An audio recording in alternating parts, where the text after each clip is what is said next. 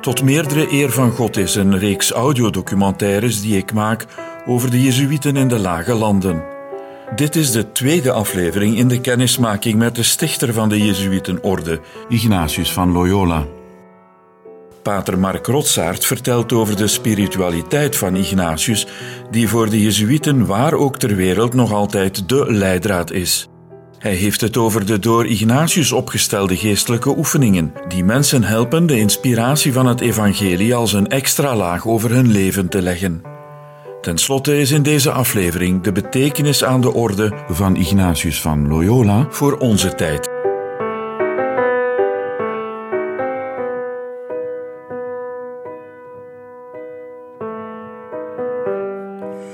Voor de Jezuïeten van vandaag, het is niet voor niets dat we een Ignatiusjaar vieren dit jaar.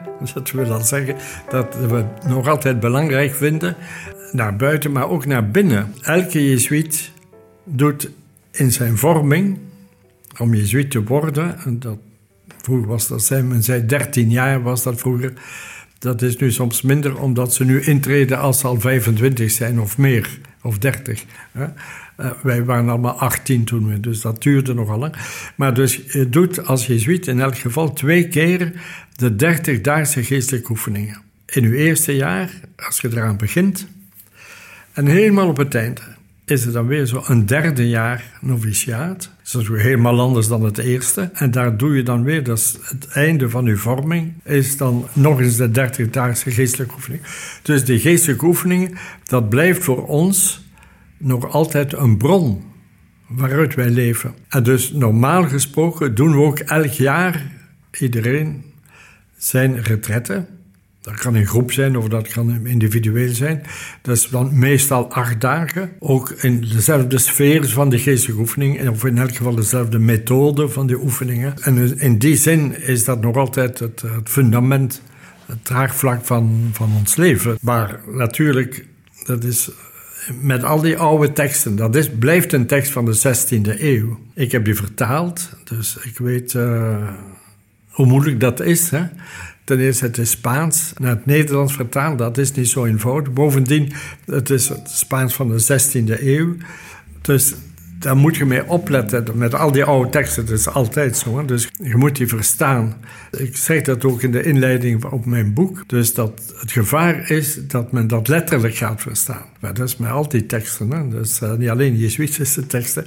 En dan komt men natuurlijk heel dicht bij het fundamentalisme. Ignatius heeft gezegd dat en oh wee, degene die daar dus niet meer in gelooft of dat niet wil doen. Of niet, dus dus dat is, dat is één extreem. Het andere extreem is, als je met die teksten bezig bent van Ignatius, is dat je je eigen visie gaat opdringen aan Ignatius. Aan die tekst die je aan vertalen bent. Dus dat is een hele oefening om niet in het ene te vervallen en nog in het andere. En, en dat blijft altijd een, een nieuwe opgave, die denk ik elke elke cultuur, want onze cultuur is ook niet meer dezelfde als die van de vorige eeuw. Dat moet je altijd weer incultureren hè, of uh, opnieuw verstaan. Maar de basis blijft wel dezelfde. En dus ik denk voor Jezuïeten. Ik heb twee keer deelgenomen aan een algemene vergadering van de Jezuïeten in Rome. Dan zijn we daar met 220 ongeveer, uit de hele wereld meestal drie per provincie, of, per land als je wil. En natuurlijk, de verscheidenheid is troef. Het is zo een, Japanse jezuïet, of een Vlaamse, of uh, een Zuid-Amerikaan. Er zijn nogal wat verschillen. En dus we hebben ons telkens afgevraagd, als we daar zo samen waren in Rome, hè, ja, wat bindt ons bij elkaar? En dat is, dan zegt iedereen, de geestelijke oefeningen. En ik denk dat dat ook zo is. En tegelijk weet ik heel goed, uit eigen ervaring, dat de geestelijke oefening in Japan toch wel een beetje anders gegeven wordt dan in Vlaanderen. Of, of in Noord-Amerika. Dus, uh, en je voelt dat ook. Ik heb het geluk gehad in mijn leven, door de jobs die ik kreeg, nogal veel mogen reizen. Je komt ergens in een huis van een jezuïet in een land waar je nog nooit geweest bent en onmiddellijk zijt je van de familie. Hij zei thuis en je voelt dat, ja. Je probeert wel die taal, als de taal is die je een beetje kent, ook te spreken. Maar zelfs als je de taal niet goed kent, hè. Dus daar is een soort verbondenheid. En dat gaat eigenlijk toch terug op onze vorming. En dan vooral op de vorming van die geestelijke oefeningen. Dat, dat, dat is, zeker als u vraagt wat is nu voor Jezuïeten nog altijd belangrijk, dan is dat dat.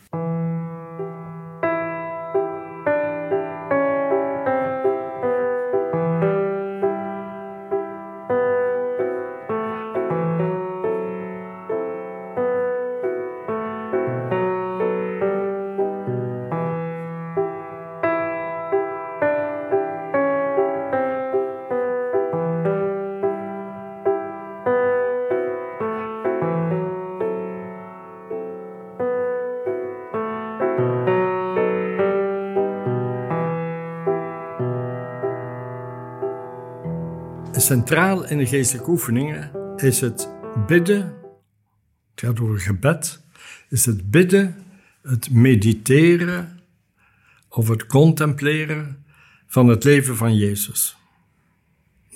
Dat is het. En dat gaat dus terug op Ignatius, op zijn bekering, toen hij dat leven van Jezus gelezen heeft. En dus dat wordt ook het fundament van de geestelijke oefeningen.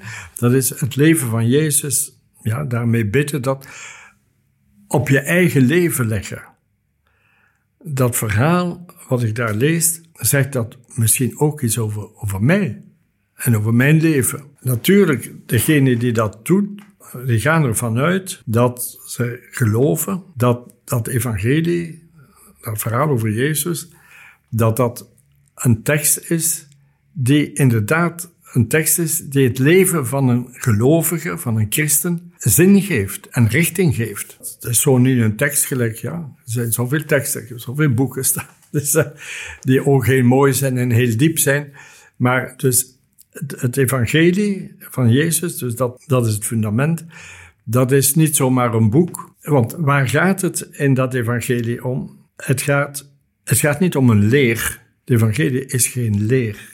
Theologen hebben daarna een leer gemaakt en theologie gemaakt en spiritualiteit gemaakt. En, uh, maar het evangelie is een getuigenis van mensen die iets hebben meegemaakt. En die dat absoluut willen doorgeven. Omdat en dat zelf zo veranderd heeft. En, uh, en als je met dat evangelie zelf, ik zeg nu maar, gaat bidden of persoonlijk gaat bezig zijn, dan moet je een beetje diezelfde houding hebben die groeit natuurlijk ook tijdens die dertigdaagse. Dat is, uh, want ons geloof is altijd maar wat het is. Hè? Dat is ook niet altijd lang niet volmaakt. Hè? En dat zal toch nooit zijn. Maar, maar dus dat je eigenlijk verwacht dat je van dat getuigenis over de Jezus, dat daar iets in zit wat ook voor u belangrijk kan zijn. En, dus, en dat is ik zou zeggen, de methode, als u wil, van Ignatius, om doorheen dat bidden, dat contempleren, telkens opnieuw, vijf uur per dag, dus vijf keer een uur, hè, dertig dagen lang, dat is dus lang, hè. Maar je weet dat als je eraan begint natuurlijk. Het is niet dat er elke dag nog een dag bij komt, maar je weet dat. Dus wij bidden niet met het boekje van de geestelijke oefeningen. Dat boekje is voor de begeleider. Dat boekje, het is le cahier du maître. Het is niet voor de leerling geschreven. Die zou niet weten wat hij daarmee moet doen. Maar de meester die wordt verondersteld van daar toch iets over te weten en zelf die weg gegaan te hebben. En hoe gaat het dan in zijn werk? Leg dat leven van Jezus eens, of die, die ene passage waar op uw eigen leven. Gaat er dan iets weer klinken? Je zegt ja, of zegt u nee, niks. Wat raakt er mee? Raakt er mee iets? En hoe raakt het mee? En dat zijn dus heel belangrijke vragen.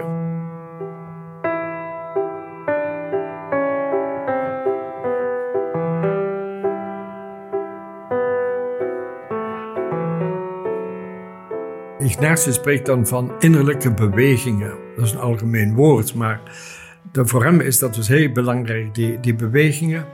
Hij zegt, als je gaat bidden met dat leven van Jezus en bepaalde dingen raken u. Dat noemt hij een beweging. Hoe raakt het u? Maakt het u vreugdevol? Maakt het u rustig? Vredig? Maakt het u, ja, voelt een stukje harmonie in uzelf? Of Of word je ambetant als je zoiets leest? Of uh, begrijp je dat niet? Hoe is dat nu mogelijk? er zijn dus positieve bewegingen en negatieve bewegingen. En die positieve bewegingen, zegt Ignatius, dat is de manier waarop eigenlijk God bezig is u naar Hem te trekken. Het komt er nu op aan om gedurende al die dagen, die maand lang, dat goed te noteren en te, te zien wat zijn nu en bij welke passages werd ik eigenlijk echt aangesproken. Want dat zou wel eens richting kunnen geven. Dat gaat u niet zomaar een oplossing geven voor uw vraag of uw probleem, maar het zou wel eens richting kunnen geven van in welke richting iets, een oplossing voor uw leven, voor de vraag waarmee je begonnen bent aan die oefeningen, u kunt geven. Dus ik denk dat dan keer ik terug naar mijn tweede dertigdaagse, die ik op het einde van mijn vorming gedaan heb. Want degene die ik gedaan heb als ik novice was, ik was toen 18 jaar, dat heb ik daarna wel begrepen dat dat eigenlijk te jong is om die geestelijke oefeningen te doen. Maar dat was zo. We deden ze allemaal op die leeftijd. Dus uh, dan merk je later dat ik had nog niet voldoende menselijke humus en basis hè, om, om zoiets uh, je vindt dat allemaal mooi en zo. Je gaat maar mee. En dus, uh, ik me niet verveeld. Maar in mijn derde jaar, helemaal op het einde van mijn vorming, is dat heel, heel anders geweest. Hè. En een van de dingen die. Twee dingen hebben mij daar bijvoorbeeld heel sterk getroffen. Dat was bijvoorbeeld, dat was dan meer stukjes uit uh, de brieven van Paulus. Die zijn, nog, die zijn nog ouder dan het evangelie. Hoe die man, die Paulus, uh, de eerste kerkvervolger geweest is en dan na de ontmoeting met Jezus ook helemaal veranderd. En hoe die dan tot aan zijn dood eigenlijk altijd vrijmoedig het evangelie van Jezus verkondigd heeft. Daar staat in het Grieks parousia, maar goed, dat is een heel mooi Nederlands woord om dat te vertalen.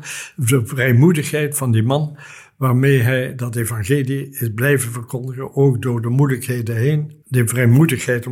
Dat heeft mij iets gezegd ten eerste over mijzelf. Ik was dus op het einde van mijn vorming, ik had dus toch al wat ervaring opgedaan. Dat ook die vrijmoedigheid, dat ik dat mij goed in mijn hoofd moest prenten en dat het ook over mij ging. Maar dat het ook ging over onze maatschappij en over onze kerk hier in Vlaanderen. Sommige mensen spraken toen van, uh, ja, de christenen leven opnieuw in catacomben. Ja, dus dat heb ik toen gezegd, ja, dat, dat is niet goed. We moeten op het marktplein gaan staan en daar verkondigen. Het, u moet dat vandaag doen in een taal die mensen vandaag verstaan. Het andere wat mij ook getroffen heeft op een heel ander niveau, dat is als ik gemediteerd heb, meer dan één keer, over het verborgen leven van Jezus. Dus je zei, dat is toch wel vreemd. Want waarom is dat verborgen? Want dat leven op zich was natuurlijk niet zo verborgen. in de stad Nazareth en met zijn vader en schijnwerkerijen. Maar het is voor ons verborgen. Wij weten daar niks van. Hè? Daar staat niks van in de schrift. Hè? Dus uh, behalve zijn twaalf jaar was goed. Maar van de rest, dus het is verborgen voor ons. Maar die idee van dat ook Jezus een menselijke groei heeft doorgemaakt. Dat hij niet al van het begin zo'n braaf jongetje was, die altijd gehoorzaamde aan zijn ouders, want hij was toch zoon van God. Hè? Maar dat hij dat ook, dat hij heeft moeten leren omgaan met anderen, dat hij heeft moeten leren, ja, niet altijd zijn eigen wil opdringen, dat hij moet leren omgaan met, met meisjes, met anderen. Dus heel het, het, het menselijk proces dus dat heeft voor mij de Jezus veel menselijker gemaakt. Want dat zijn zeker twee momenten geweest die heel sterk geweest waren. En eh, wat, wat ook mijn eigen groei, eh, mijn eigen menselijke groei, eh, affectiviteit en zo, relationeel en zo, dat dat plots, ja, voel ik, voel ik Jezus nabij. Dus dat zijn zo twee momenten die voor mij, hè, dat is voor iedereen heel persoonlijk, dus die terugblik op uw gebed dat is voor Ignatius ook iets heel belangrijk. Je hebt iets meegemaakt. Ja, wat heb je meegemaakt? Wat heeft u geraakt? En hoe heeft het u geraakt? En dat kan dan stof worden voor het gesprek met de begeleider, die dan probeert mee te verhelderen, eventueel. Ja, wat betekent dat nu?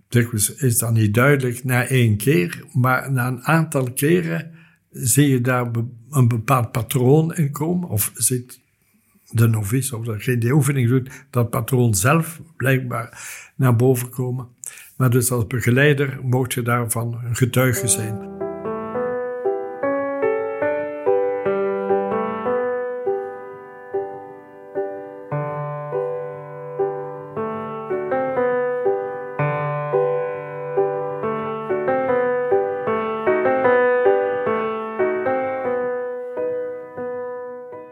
Het is een een onderscheidingsproces. Dus dat zijn stappen, momenten in dat proces. Ignatius zei, als men hem vroeg later, aan wie moeten we de dertigdaagse oefeningen geven? Want hij zei altijd, ja, de eerste week van die oefening, die kunt je aan iedereen geven. Maar de dertigdaagse, daar moeten mensen een beetje beter voorbereid zijn. Aan wie moet je die geven? Dat was het eerste wat hij zei.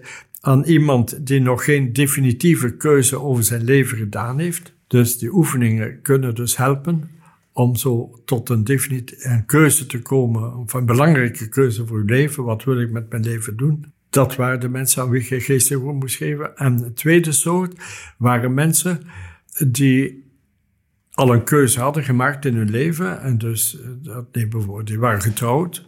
En dus, ja, dan kunt je nu eens gaan denken, ja, nu ga ik uh, oefeningen doen om, uh, hoe moet ik nu scheiden of gaan zo. Dus dat was, dat ik naast gezegd. Maar dan moet je dat toch wel zien, dat dat aan mensen geeft die die ervaring van die 30-daagse gaan door kunnen geven. Niet door geestelijke oefeningen te geven, maar door wat ze daar eigenlijk innerlijk hebben gemaakt. Dus Pater Arope die sprak dan graag van multiplicatoren. Iemand die de geestelijke oefening echt gemaakt, gedaan heeft, die is daar op een of andere manier vol van. En dat is heel verschillend van mens tot mens. Dan heb je toch dat verlangen van daar verder iets mee te doen in je leven. Voor, al was het maar voor jezelf. Hè? Maar als het voor jezelf is, meteen ook in je beroep of waar, waar je leeft of, of in je gezin of wat. Het is niet alleen voor jezelf. Hè. Dat is een beetje de, de taal die God gebruikt. Als ik naar zijn woord luister, want hij spreekt, dan zeggen we toch dat het evangelie is het woord van God. Als ik naar zijn woord luister en dan in de reflectie daarna, in de terugblik, probeer ik na te gaan, wat heeft het mij gedaan? Want dat is het, het antwoord, of dat is de manier waarop God tot mij spreekt. Dat is de taal die God verstaat. En de taal van God die ik kan verstaan, omdat dat in mij gebeurt. Vooral die momenten, die positieve momenten, tekenen op den duur wel een bepaalde lijn aan. En dus, wat heel belangrijk is, vind ik, dat is dat die beslissing die er dan komt, bijvoorbeeld, ik ga intreden bij die suite. Iemand die nog geen definitief uh, levensengagement had genomen dat is dan op het einde, is dat niet zoiets. En nu beslis ik van ik wil jezuïet worden. Dat zit er in zekere een beetje in. Maar eigenlijk, die keuze die groeit in die momenten van geraakt worden, is een keuze die u gegeven wordt. In die momenten van, van die innerlijke beweging. Dus dat is niet iets wat je, natuurlijk, als je dan die keuze, als je dan daarvoor staat en ziet, ja, het wordt nu voor mij wel duidelijk wat ik moet doen dan moet je die natuurlijk tot de uwe maken. Maar het is niet iets wat, wat ik zelf gefabriceerd heb. Het is iets wat mij gaandeweg in dat bidden, met, met brokjes, stukjes, mij gegeven is eigenlijk. En dus dat is wel um, een belangrijk element, want daarna, na de oefeningen, eh, zult je het dan ook in praktijk moeten brengen. Dus dat is, uh, die oefening is nog maar het begin, als het ware. Hè. Dan moet je dat nog gaan in je leven omzetten. Hè. Wat, je dan, wat dan daar beslist is, wat dan de keuze geworden is. Of, ja.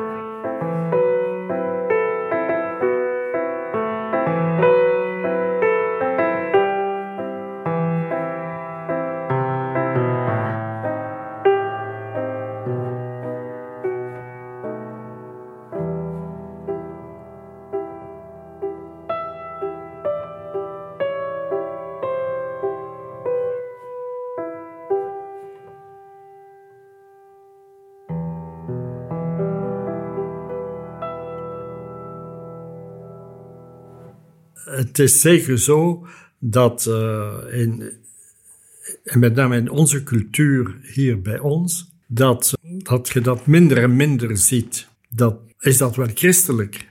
Ze noemen zich christenen. Ik denk dus dat indien wij een beetje meer dat evangelie zouden beleven, zou het er een beetje beter aan toe gaan.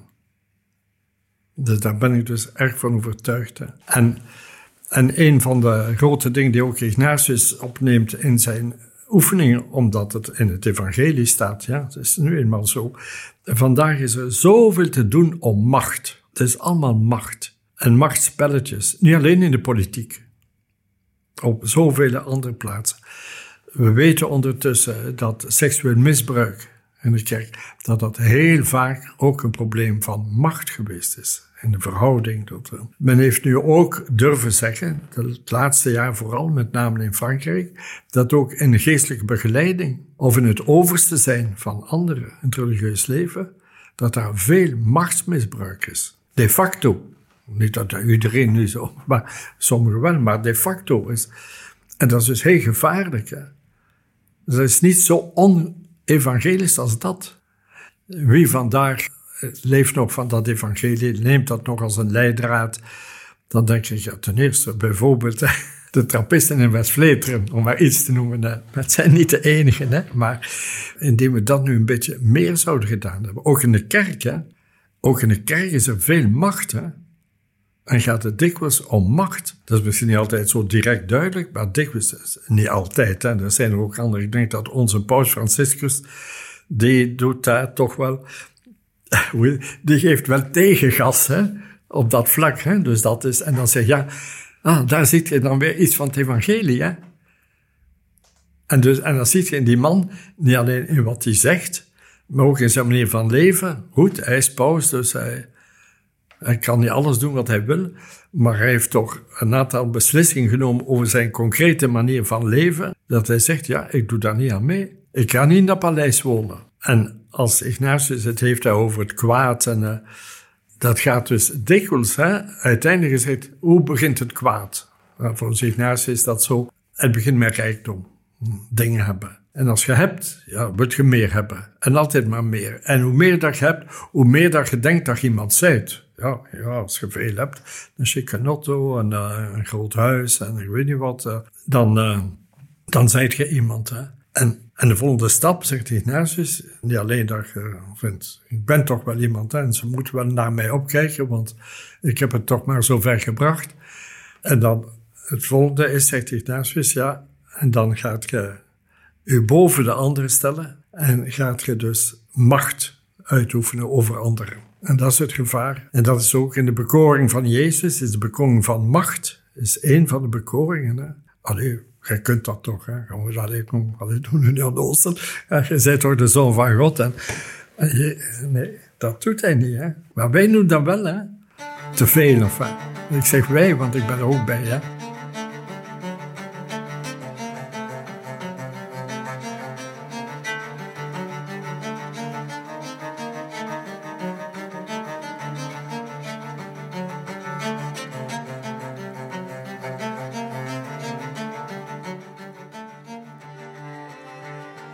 En een van de problemen lijkt mij te zijn, dat vind ik persoonlijk, dat we de persoon van Christus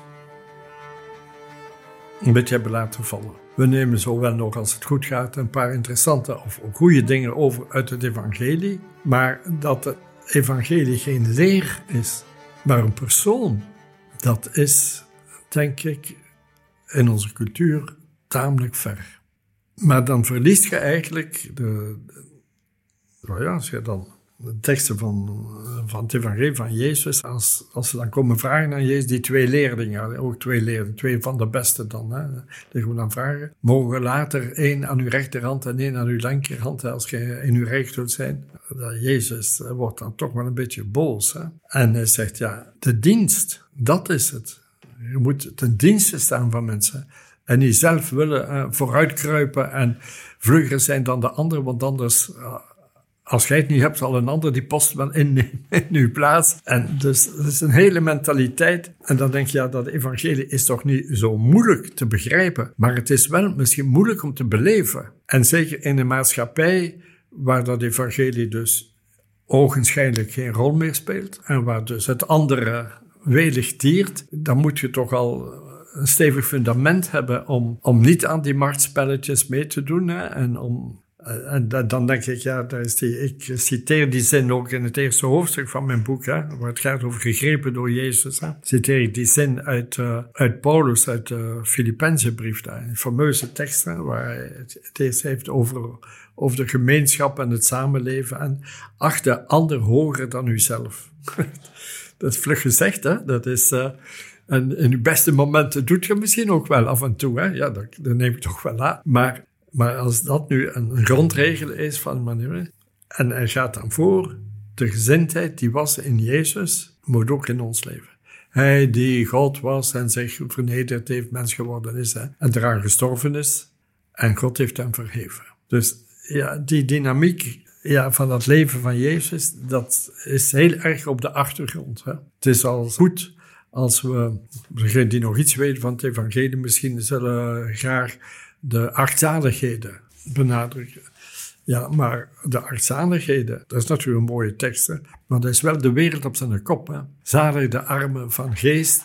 Ja, dat van geest, dat arm van geest in het Nederlands is dat, in het Frans hebben we nu gezien, en vertalen ze boven de keur. Iemand die, ja, omdat hij zoveel geleden heeft door het leven, door weet je wat. En die gaat het rijk binnengaan. Je kunt ook zeggen, arm van geest, of is iemand die zich niet laat doen door macht en machtsspel. En die zal het dan wel vinden. Die zal wel achteruit geplaatst worden. Hè? Want als je niet meeknokt om te geraken waar je wilt geraken of waar je denkt dat je moet zijn, ja, dat is heel mooi. Hè? Die zalig, de zachtmoedige, zalig, degene die vrede brengen en zo. Maar het was toen al zo, hè? Het was toen al de wereld op zijn kop, hè? Maar het is het nog, hè? Zou degene die vrede brengen, ja. maar na de ene oorlog, er begint de, de volgende, hè?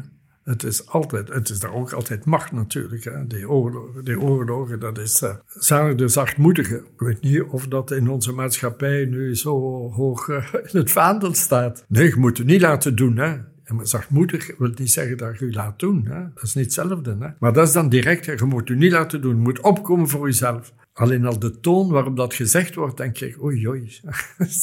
Heel evangelisch. Het is misschien niet verkeerd, hè. Je moet je inderdaad niet laten doen en u laten omverblazen. En Jezus is daar zo consequent in geweest dat hij het met zijn leven bekocht heeft. Hè. En hij heeft niet op bepaalde momenten gezegd, ja, nu is het genoeg geweest. Hè. Nu zal ik eens tonen dat ik uh, Gods zoon ben of zo. Hè. Dat zijn, zo denken wij dan, hè, als we, die, die leerlingen met hem, ook. Hè. Eh, het heeft ook lang geduurd voordat hun vang gevallen is. Hè, om te zien wat uh, dat ze hadden ook verwacht. Hè. Zeker degene van zijn leerlingen die uit de groep van Johannes de Doper kwam. Dus dat was van, we gaan hier een nieuw regime in dat land. Hè. Die Romeinen buiten. Hè. Dat we weer baas zijn over onszelf. En, uh, en dan zien ze met de tijd dat die Jezus daar blijkbaar niet op aanstuurt. En, en dan, dan begrijpen ze dat niet, maar enfin. Hè. En als hij dan voelt dat hem willen tot koning maken, dan verdwijnt hij. Dat is ergens de bergen.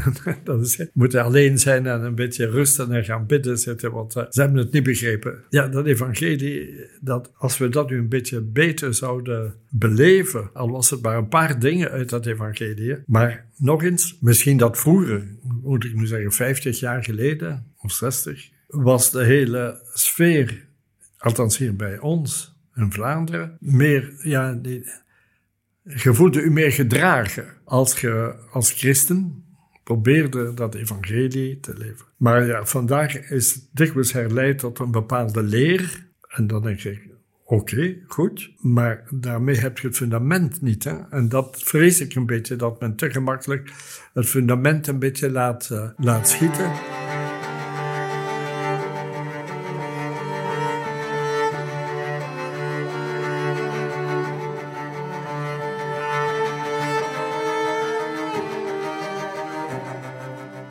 Ik vind het dus heel moeilijk hè, om, persoonlijk, hè, om aan mensen die helemaal niet geloven, om nu die geestelijke oefeningen en zo'n onderscheidingsproces uit te leggen. En je kunt natuurlijk, ook uit de spiritualiteit van Ignatius, zoals uit het evangelie, je kunt daar, ik noem dat dan, formele elementen uithalen, die je ook buiten het geloofsleven heel goed zou kunnen gebruiken. Daar heb je dus geen moeite mee. Als je dan maar weet, hè, dat je het inhoudelijke een beetje laat vallen. Dus je gaat met de formele elementen van, van structuur en van uh, ja, een methode, een proces dat zo en zo moet gaan. Oké, ja. Dus, uh, maar het, het eigenlijke is dat het gaat, het gaat over de inhoud van dat evangelie. En, en niet over, over, over die spiritualiteit. En niet alleen die formele elementen Het is heel moeilijk om tegen de stroom in te gaan. Zeker als je je alleen voelt. Over het algemeen, uh, mensen zijn ook maar wie ze zijn en we zijn allemaal zwak. En we, als we niet uh, gesteund worden door, door, door anderen. Ik zit hier nu in Heverlee.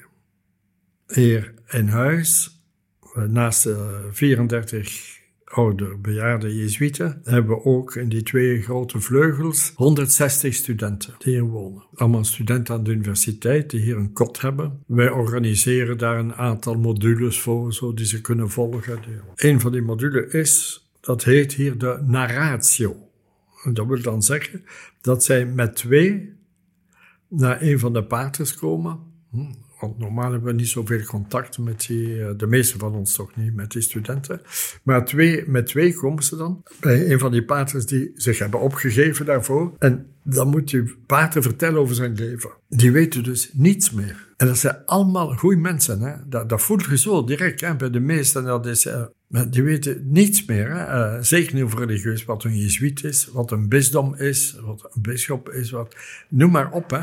Dus dat het evangelie ze weten wel dat dat bestaat. Maar werkelijk, het is aan hen voorbij gegaan. En dan denk ik, goh, wat is dat jammer. En dus dat is die generatie van vroeger, ik heb dat ook meegemaakt, hè, van jongeren die er tegen waren. Hè dat is gedaan. Hè. Ze zijn, waar zouden ze tegen zijn? Ze weten niet waar ze tegen zouden kunnen zijn, bij wijze, bij. Dus dat is een beetje. En dan denk ik, ja. En toch zeggen ze dan op het einde van het jaar hier in hun evaluaties dat die aanwezigheid van die paters, dat dat toch iets betekent. Nou, laten we hopen, hè. Dus, uh, het is maar, ik sta daar toch van te kijken. En dan denk ik, dan moet je toch een begaafd iemand zijn die daar vandaag en die veel ouder zou zijn, met, met dit soort jonge mensen op weg kan en, uh, en daar ze iets. Af en toe is er zo een bij. Dus een van die modules is je eigen weg vinden. Dat is dan meer een persoonlijke uh, module natuurlijk. Hè. En daar kun je wel in een aantal gesprekken, kun je wel na een tijdje wat naar de diepte gaan. En uh, zo, vooral als ze over hun eigen leven moeten onderscheiden, dat ze nog niet goed weten wat en hoe, dan kun je ze wel natuurlijk een aantal tips bij geven. En dan hoop je maar dat daar iets van blijft hangen. En, uh, want ze zijn hier om te studeren natuurlijk allereerst. En, uh, ja, we leven wat dat betreft in een tijd waarop... en toch zijn er ook altijd weer mensen, ook jonge mensen, misschien lang niet meer zoveel als vroeger, die dan toch plots met dat geloof iets willen doen en met dat evangelie iets willen doen. En nu denk ik niet alleen aan roepingen naar het religieuze leven of naar het bisdom, want zoveel zijn er niet vandaag, maar ik denk aan de Sint-Michielsbeweging in, in Kortrijk, die nu al op verschillende plaatsen. Dat zijn jonge mensen. Ik heb die twee priesters goed gekend die daarmee begonnen zijn.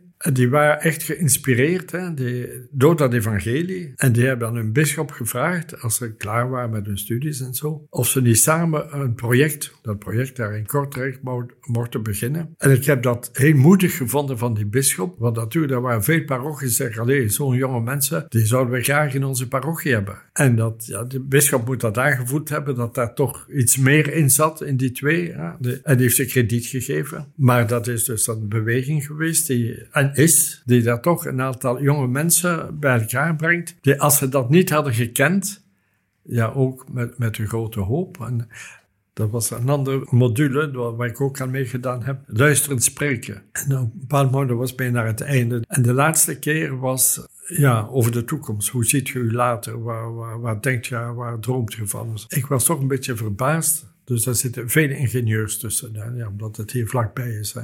En bio-ingenieurs. En, en, ik was toch verbaasd dat in dat groepje, hè, dat de meesten zeiden, ja, ik denk, ik denk nu al aan welke job ik zal hebben en, uh, en hoeveel ik daarmee verdien.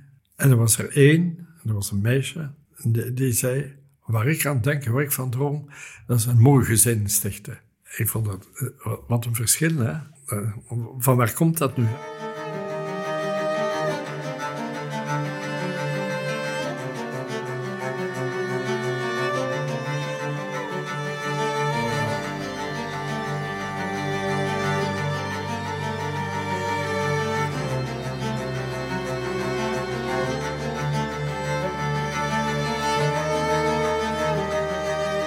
U luisterde naar de twee afleveringen over de stichter van de Jezuïtenorde, Ignatius van Loyola, in de reeks Tot meerdere eer van God, Jezuïten in de Lage Landen. Fijn dat u luistert.